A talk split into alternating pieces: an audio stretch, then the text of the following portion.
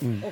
Varmt välkomna! Idag så blir det gaming och dataspel i stort fokus. Och vi är särskilt glada över att snacka med Paradox vd. Det blir också lite allmänna börsspaningar och kanske lite saker till, orsaker till optimism denna ja, sura, blöta börsdag.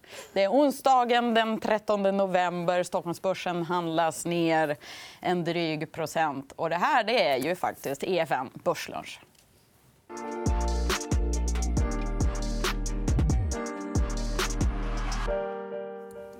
Nu glömde du säga att det är smörgåstårtans dag, Petra. Vi ska inte prata om det. Hörrni, väldigt roligt att höra eh, att ha så roliga gäster här. Vegard och Ville tillbaka. Willem Guberg, Vegard Söranet tillbaka i studion. Och framför allt Ebba Ljungerud. Varmt välkommen. Tack så mycket. Ni släppte rapport igår. Du ska få berätta om den. Men först har jag en fundering kring klimatet där ute. Det känns lite som att tonläget... Embracer har fått kritik i en färsk analys som blev väldigt uppmärksammad. Dagens Industri har skrivit lite frågande om Paradox. också. Är smekmånaden slut för gamingindustrin?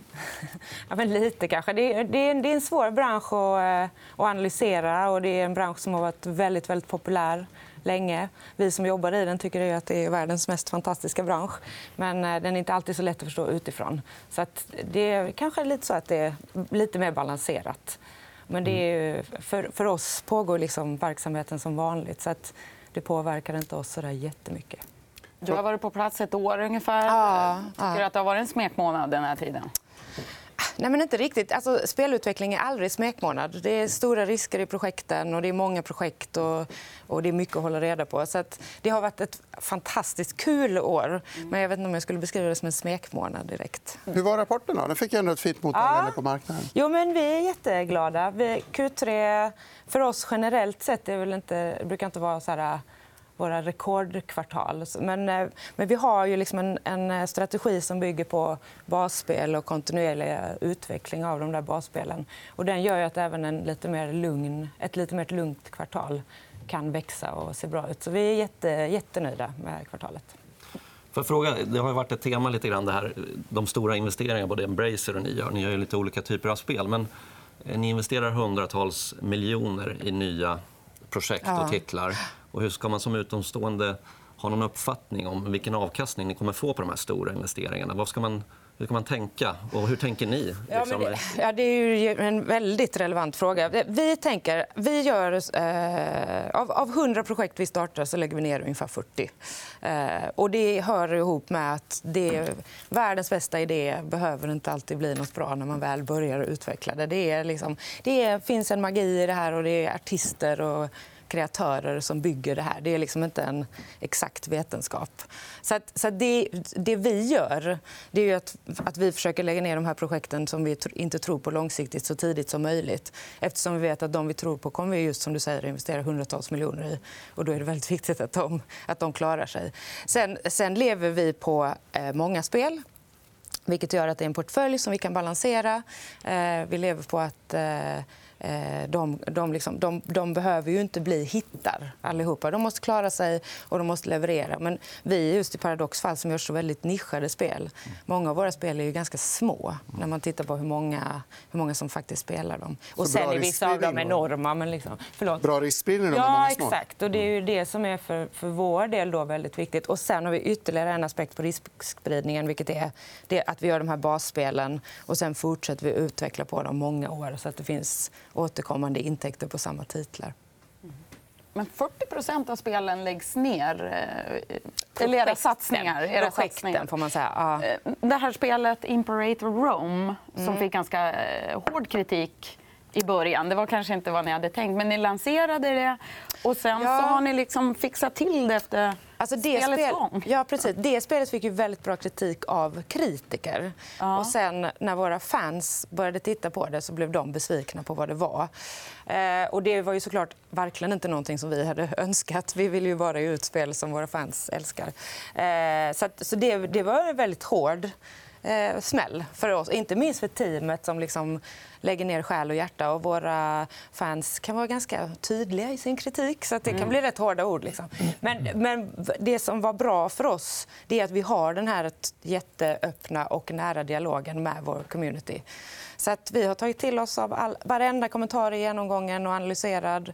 Och vi har sen gjort flera, flera uppdateringar av spelet. Och så nu så ser eh, kritiken helt annorlunda ut. Mm. Och sen är ju då tricket att sen ska man då kunna bygga upp igen på det här. Och det är klart att det är svårt, men, men vår intention är absolut att, att behålla spelet i katalogen och fortsätta utveckla på det. Mm.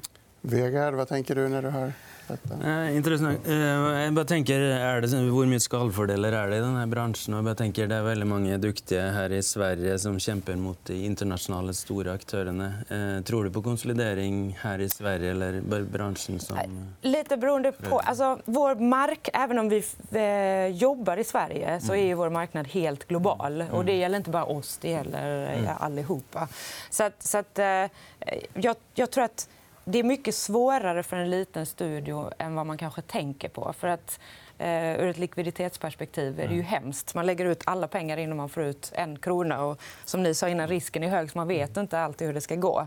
Så att i den, ur det perspektivet kan man absolut se konsolidering för, eh, för studios. Mm. Och sen för, från vårt perspektiv, när vi tittar på eh, potentiella ma kandidater så har vi liksom en ganska tydlig strategi runt att vi, vi vill växa genom ökad kunskap och ökade resurser. Så att vi, till exempel IPN mm. tittar vi gärna på, eller en studio som, som är, kompletterar oss kunskapsmässigt. Som de två studiosarna vi har köpt senast det är strategistudios. Som är också, det är vad vi kan också, mm. men bredda den kunskapen. Hur mycket spelar du själv? Ja, men ganska mycket. Mer och mer. Och sen har jag, spenderat, jag har faktiskt spenderat väldigt mycket tid det här första året med att spela. Så det har ju varit lite smekmånad, även om det är svåra spel.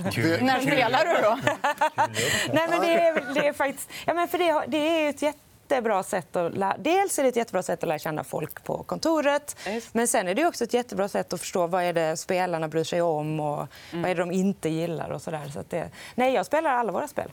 Man får inte sparken Med skiftande framgång. Nej, man, man, man, bestämmer själv hur man vinner i våra spel. Så man sätter liksom upp sin egen strategi och bana. Mycket intressant. Tack så hemskt mycket, Ebba Ljungerud. Och lycka till eh, med spelandet och ja, med tack. bolagsbyggandet. Tack så mycket. Ha det bra. Tack så mycket. Ska vi kolla in rapporterna så länge, Petra? Ja, du har hunnit titta lite grann på dem. Jag noterar du... bara... Jag försökte få våra gäster att prata om dessa bolag som har kommit idag. Voi, eh, elskotertillverkaren Vostok New Ventures, eh, stiger lite grann. Och vi noterar att BTS är ju ostoppbart, denna framgångsmaskin på Stockholmsbörsen. Och med de orden så tackar vi för rapportkaffet och fortsätter snacka gaming istället. Nu när vi har värmt upp. Ni, ni har båda fått lite blodad tand för sektorn. man säga så. Absolut. Alltså, eh, trenderna i sektorn ser ju klockrena ut. Eh, det växer organiskt eh, och jag tror inte att det kommer att sluta. Utan det handlar väl om att hitta rätt, rätt bolag och rätt kapitalallokerare i sektorn som kan få avkastning på de här investeringarna som man har så svårt att bedöma som externa och få ett förtroende mm. för, för management och ledning. Det, det tror jag är väldigt centralt i de här bolagen. Mm. Jag vet inte om du håller med? Jo, jag gör det. Men det, det gäller att liksom sprida risken på någon som har flera ben att stå på, många olika projekt så man slipper att gå i den eh, risken för succé eller, eller inte. Det är så vi tänker. Och det har ni båda gjort på, på olika sätt. Ja, precis. Jag vet inte om jag ska gå in på mitt val i sektorn. Eller... Absolut. Gör det. Ehm, vi, vi har valt eh, Stillfront som passar vår profil. För Det är ett bolag som är det är en grupp av olika spelstudios. Eh, och de har då investerat i en rad olika spelstudios. Och det är strategispel, långlivade spel, free to play. Eh, fantastiskt bra vinstutveckling. Och, eh, när det gäller riskspridning så har du ett, eh, det största spelet är 14% av omsättningen. ungefär. Och I takt med att man förvärvar fler studios så sjunker beroendet av några fåtal spel. Då. Så mm.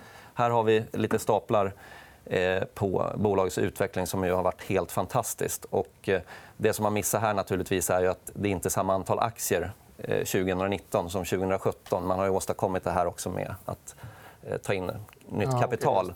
Men, men vinstutveckling per aktie eller kassaflödet per aktie, alla saker utvecklas i väldigt bra riktning. Och, eh, jag tycker man kan likna det här bolaget vid typ ett Indutrade Adtech mm. inom att förvärva eh, spel. Man, man förvärvar till ganska låga multiplar.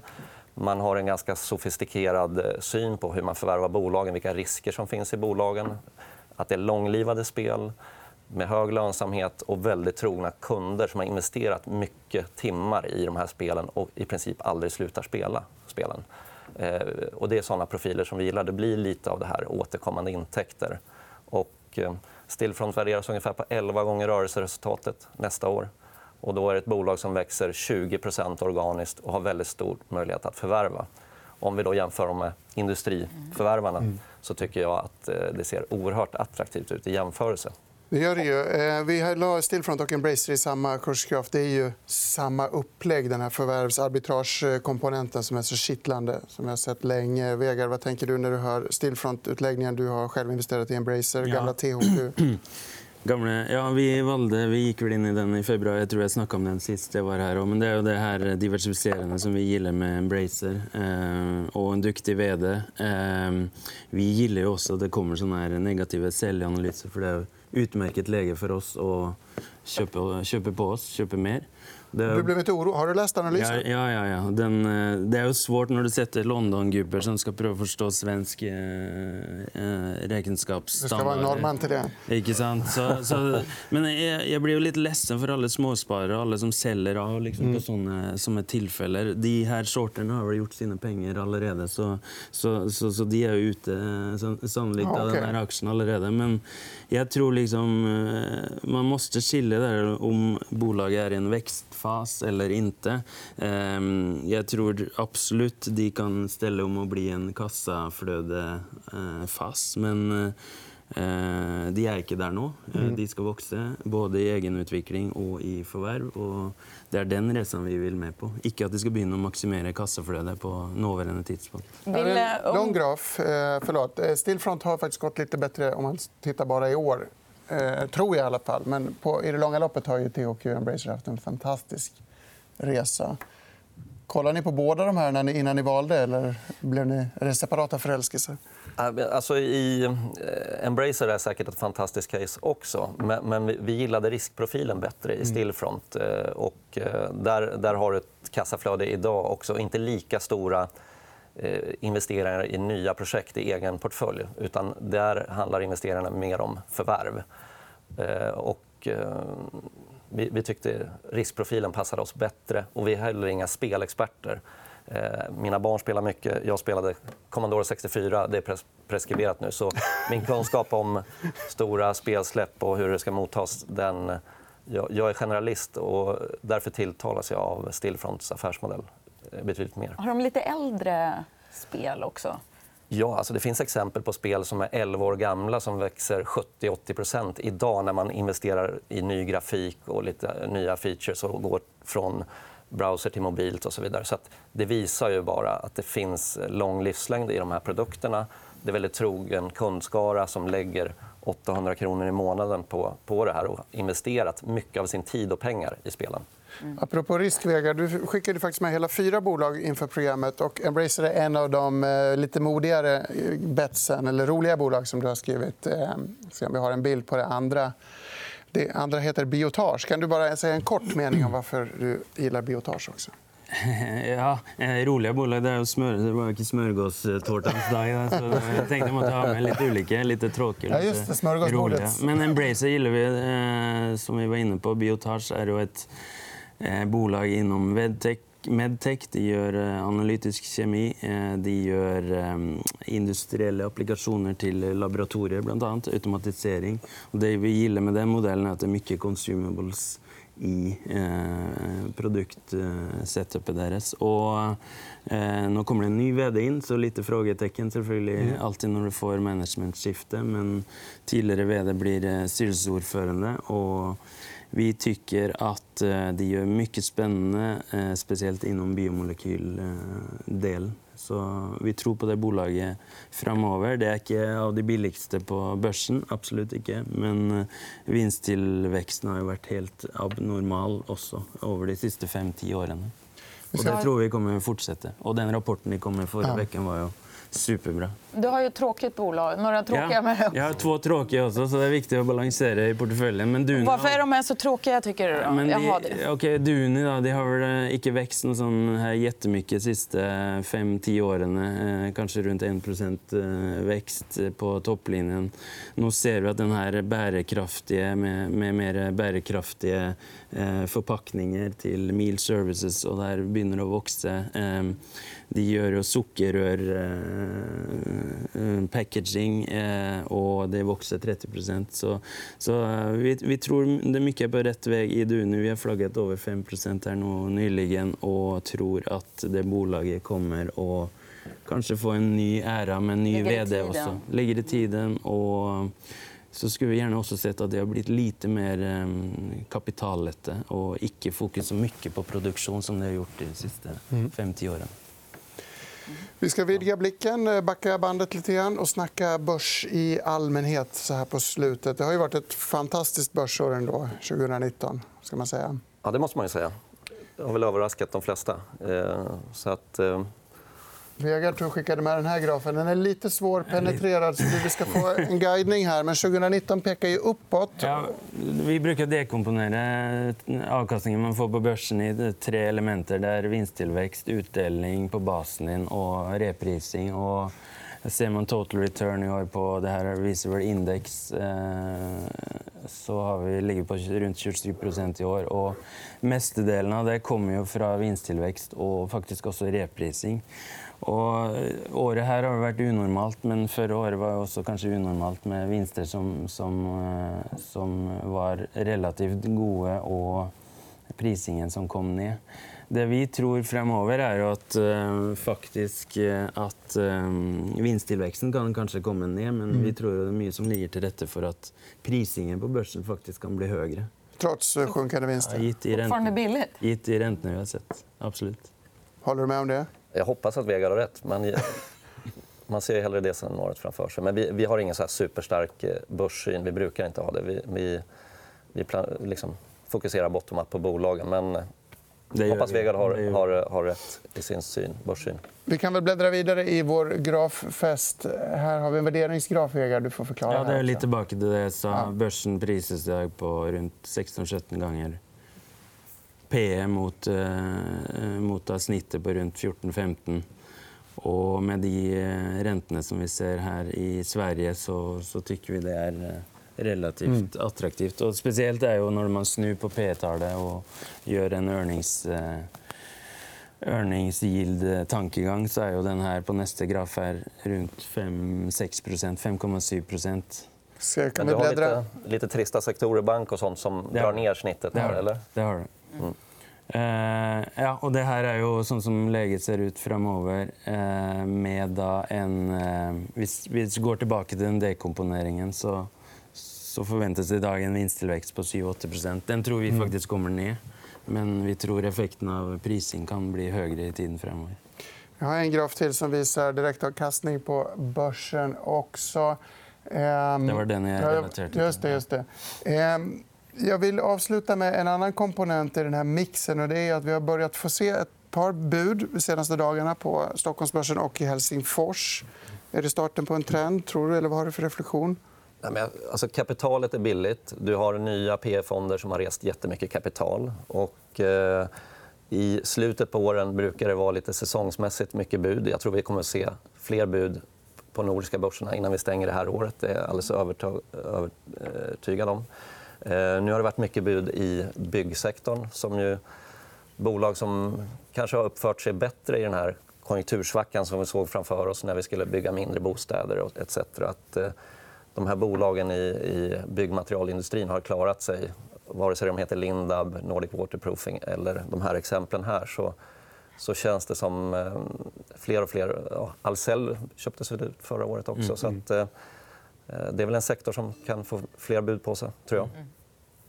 Håller du med, Vegard? Ja, men eh, deler betraktningen til Ville her at kapitalen er billig og earningsveksten i, i bolagene er fortsatt Earningsyielden er fortsatt bra, så det er mange som eh, Også litt synergier på toppen, så, så er det bra case for mange. Kalas. Vi får gratulera också till fin avkastning. Och 25 år har orden eh, pumpat in pengar till spararna. Ja, mer tårta. 25 år, ja. 25 år med tårta. Hörrni, och smörgåstårta idag, som sagt. Glöm inte det. Viktigt. Denna förlorade mm, gastronomiform. Imorgon blir det life science och läkemedel. Då ska vi prata med Ulrika Bjerke och Mårten Sten. Häng med oss då 11.45.